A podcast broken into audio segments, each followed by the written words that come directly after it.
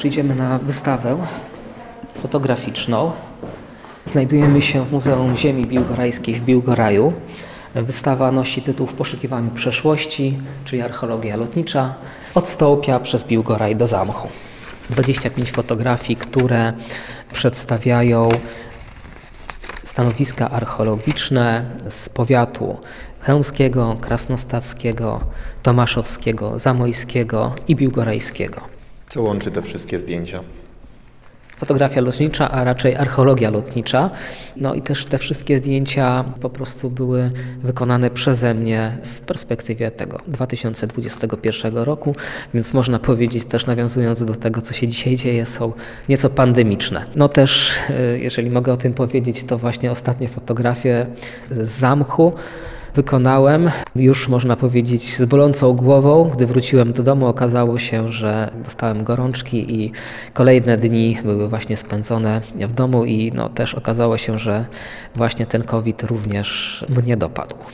Tam na fotografii to pan? Tak. Tutaj również uwieczniłem się na jednej z fotografii. No, można powiedzieć, jak ci rysownicy XIX-wieczni, na przykład Zygmunt Fogel, który zawsze gdzieś tam siebie rysował. Patrzę w smartfona, który jest umieszczony na panelu sterowania i kieruję, po prostu fotografuję obiekt w zamku.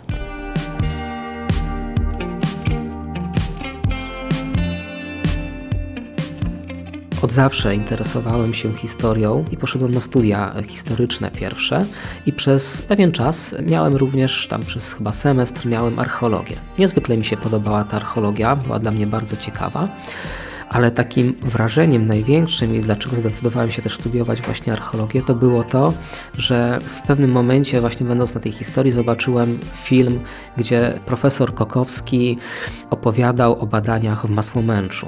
No, taki film dokumentalny zrobiony przez telewizję polską.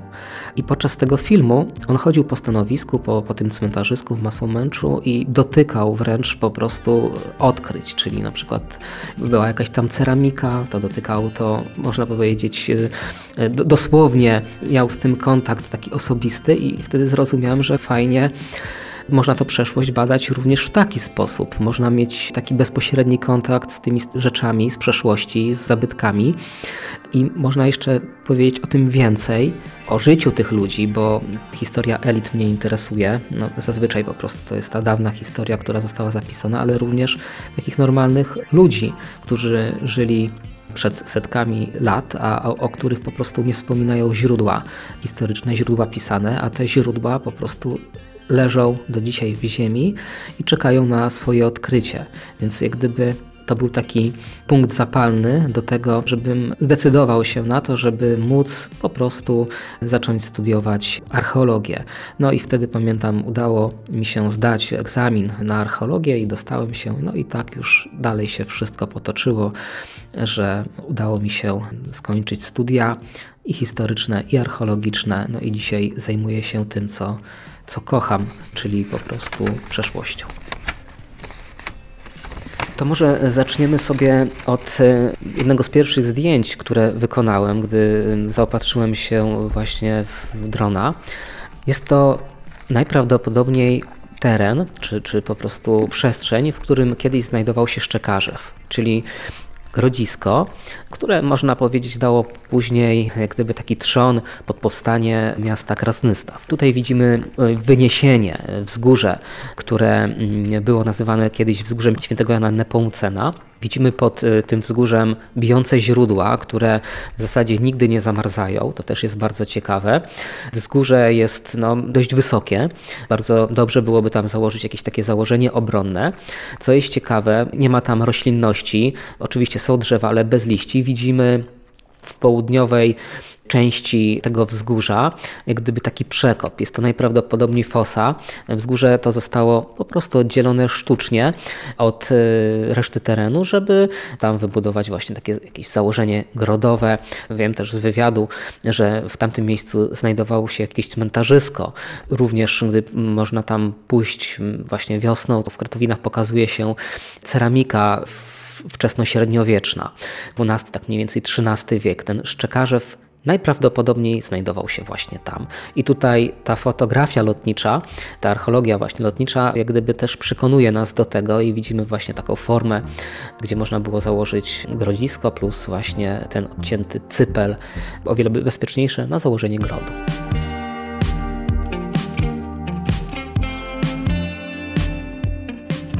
Ta perspektywa z lotu ptaka zmienia się zupełnie.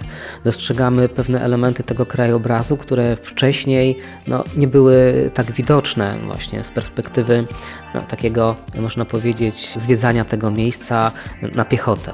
Przede wszystkim bardzo ładnie nam rysuje się to odcięcie tego cypla od właśnie reszty terenu.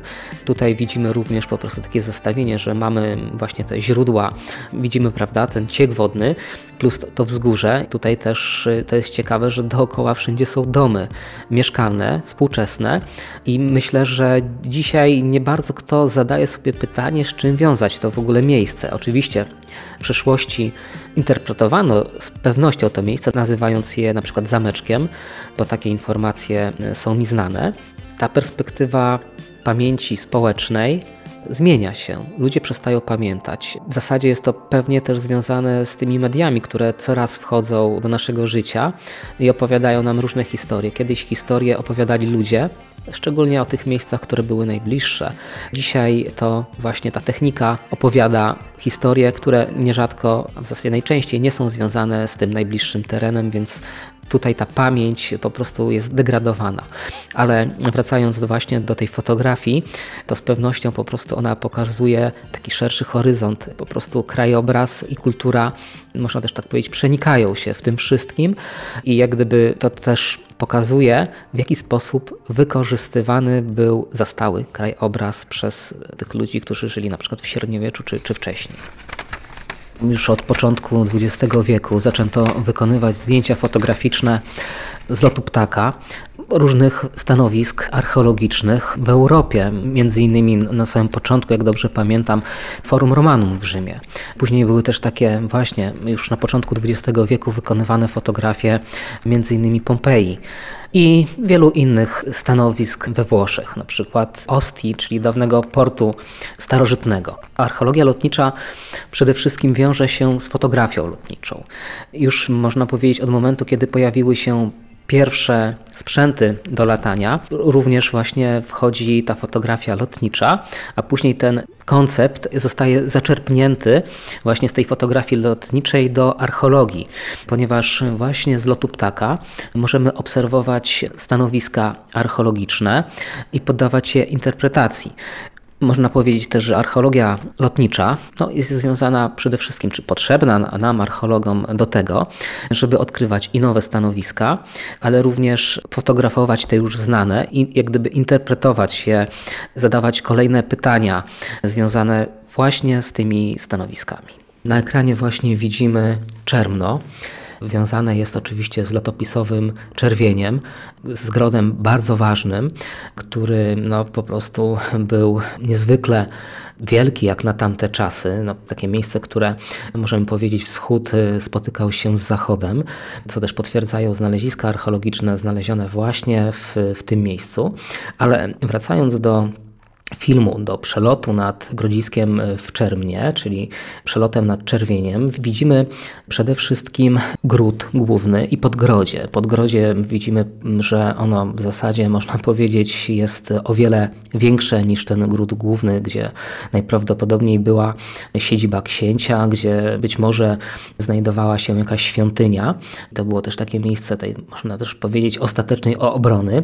Widzimy rozłożyste podgrodzie. Podgrodzie oczywiście oczywiście w przeszłości pewnie też było fortyfikowane. Na fotografii widzimy pewne takie elementy topografii terenu, gdzie faktycznie widać jakby w tym miejscu właśnie mogły znajdować się wały.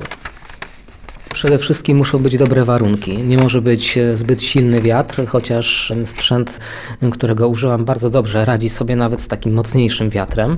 Po prostu jadę do takiego miejsca, rozkładam sprzęt, podłączam drona do telefonu komórkowego, żeby po prostu mieć obraz tego, co będzie się działo w powietrzu. Później paruję sprzęt, czyli kontroler wraz z, z dronem Następnie znajduje odpowiednie miejsce do startu. Następnie startuję i po prostu na początku przelatuję nad stanowiskiem kilka razy, szukam tego jakiegoś interesującego miejsca albo tego, na czym się skupię.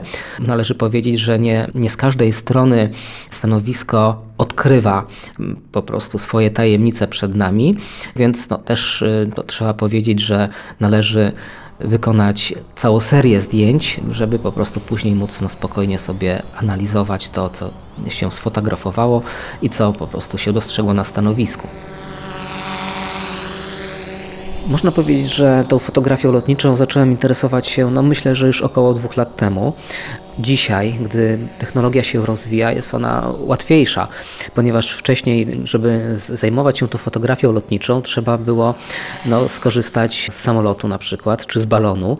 Oczywiście jest to dość kosztowne. Dzisiaj za sprawą takiego wynalazku, jakim jest dron, możemy no, w miarę tanio wykonywać fotografie lotnicze stanowisk archeologicznych, co jest no, też świetną, można powiedzieć, zabawą i wspomaga po prostu myślenie o, o archeologii.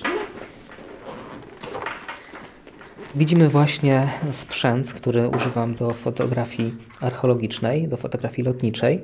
Jest to dron. Dron ten, jak widzimy, nie jest zbyt wielki, ale ma bardzo dobre możliwości. E, przede wszystkim możemy go zabrać praktycznie wszędzie ze sobą, nie jest ciężki. I dodatkowo do tego drona potrzebny jest również kontroler, za pomocą którego podłączamy się do smartfona, żeby mieć obraz e, tego, co widzimy lecąc e, takim e, dronem.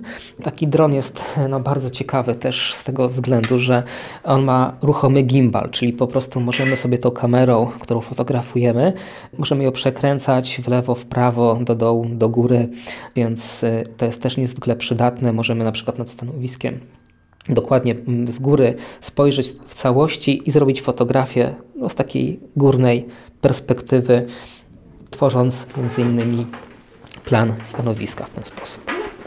Jak w tym momencie ta przeszłość jest teraźniejszością przeplata, nawet po tym, co my widzimy tutaj na tym zdjęciu? No przede wszystkim na, na, tym zdjęciu widzimy grodzisko, widzimy podgrodzie. Na tym podgrodziu odkrywane są cmentarzyska, no ale oprócz tego widzimy zabudowania wiejskie. I co jest też właśnie ciekawe, że jak widzimy na tym podgrodziu, gdzieś, gdzie funkcjonowało to życie te 800-700 lat temu, po prostu uprawiane jest zboże czy jakieś inne płody rolne. No i jak widzimy, to zupełnie y, niektórym osobom nie przeszkadza, że na przykład właśnie one są uprawiane na tych cmentarzyskach. W tą strukturę wsi wbija się to, co dawne, ale ono e, chyba nie jest tak do końca uświadomione. Jest jak wielkim skarbem po prostu mają ci ludzie, którzy mieszkają właśnie w danych miejscowościach, bo to nie tylko jest Czermno, ale ma, mają do czynienia i z czym obcują. Oczywiście wcześniej e, zupełnie to inaczej wyglądało, szczególnie to widać właśnie w tych opowieściach, w dawnych opowieściach z XIX wieku, z początku XX, czy już po prostu nawet po II wojnie opowiada się jeszcze historie, czasami mrożące krew w żyłach, o właśnie o tych miejscach, o tym, co mogło tam się zdarzyć, jakieś takie interpretacje ludowe się pojawiają ponieważ to były interpretacje ludowe, to pomimo tego też y, powodowały, że ta społeczność żyjąca w konkretnych tam czy danych miejscowościach po prostu zachowywała jakoś odrębność i się szczyciła, że mają właśnie takie dziwne obiekty, uroczyska, których nie ma nigdzie indziej. A dziś, no niestety, zapomina się o tym.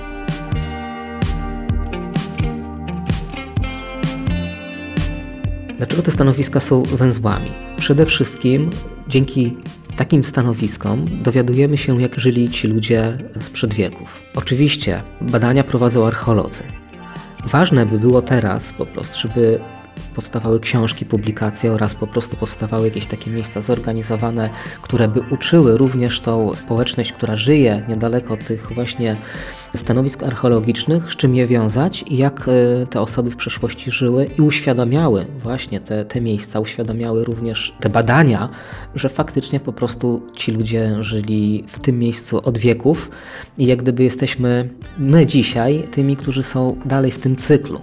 To jest jedna sprawa, a druga jest taka, że no, przede wszystkim też należy to podkreślić, że takie miejsca mogą stać się również miejscami turystycznymi i mogą w jakiś tam sposób pomóc tej społeczności, która żyje wiem, w danej wsi, miejscowości, w tym, żeby też się rozwijać, bo zawsze kontakt z ludźmi powoduje to, że uczymy się nowych rzeczy, nowych rozwiązań i po prostu możemy wychwycić to, co jest dobre i polepszyć nie wiem, swój byt na przykład. Dzięki temu, że dbamy o te zabytki, to też pokażemy w przyszłości, jakimi ludźmi jesteśmy. Przede wszystkim, tak, tak mi się wydaje. Ale co jest jeszcze ciekawe, to jest to, że przede wszystkim właśnie te różne stanowiska archeologiczne pokazują, że to nie my tutaj byliśmy pierwsi. Wcześniej byli inni ludzie, którzy żyli, którzy można nawet powiedzieć byli bliżej natury niż my dzisiaj. No i to, że sobie uświadomimy właśnie, że przed nami były przeszłe pokolenia, to teraz musimy pomyśleć o tych następnych pokoleniach i o tym, co im pozostawimy. To jest chyba jedna z najważniejszych myśli, które wynikają po prostu z zajmowania się przeszłością. Bo po co zajmujemy się przeszłością, po co zajmujemy się tym, co już było? Po to właśnie, żebyśmy się nauczyli od tych osób, które żyły kiedyś, jak żyć, ale również jakich błędów więcej nie popełniać. Mamy problemy z, z, naturą dzisiaj, zaczynają się zmiany klimatyczne i po prostu powinniśmy się o wiele bardziej zastanowić nad tą przyszłością, nad przyszłymi pokoleniami, żeby nas nie przeklinano w przyszłości, tak powiem.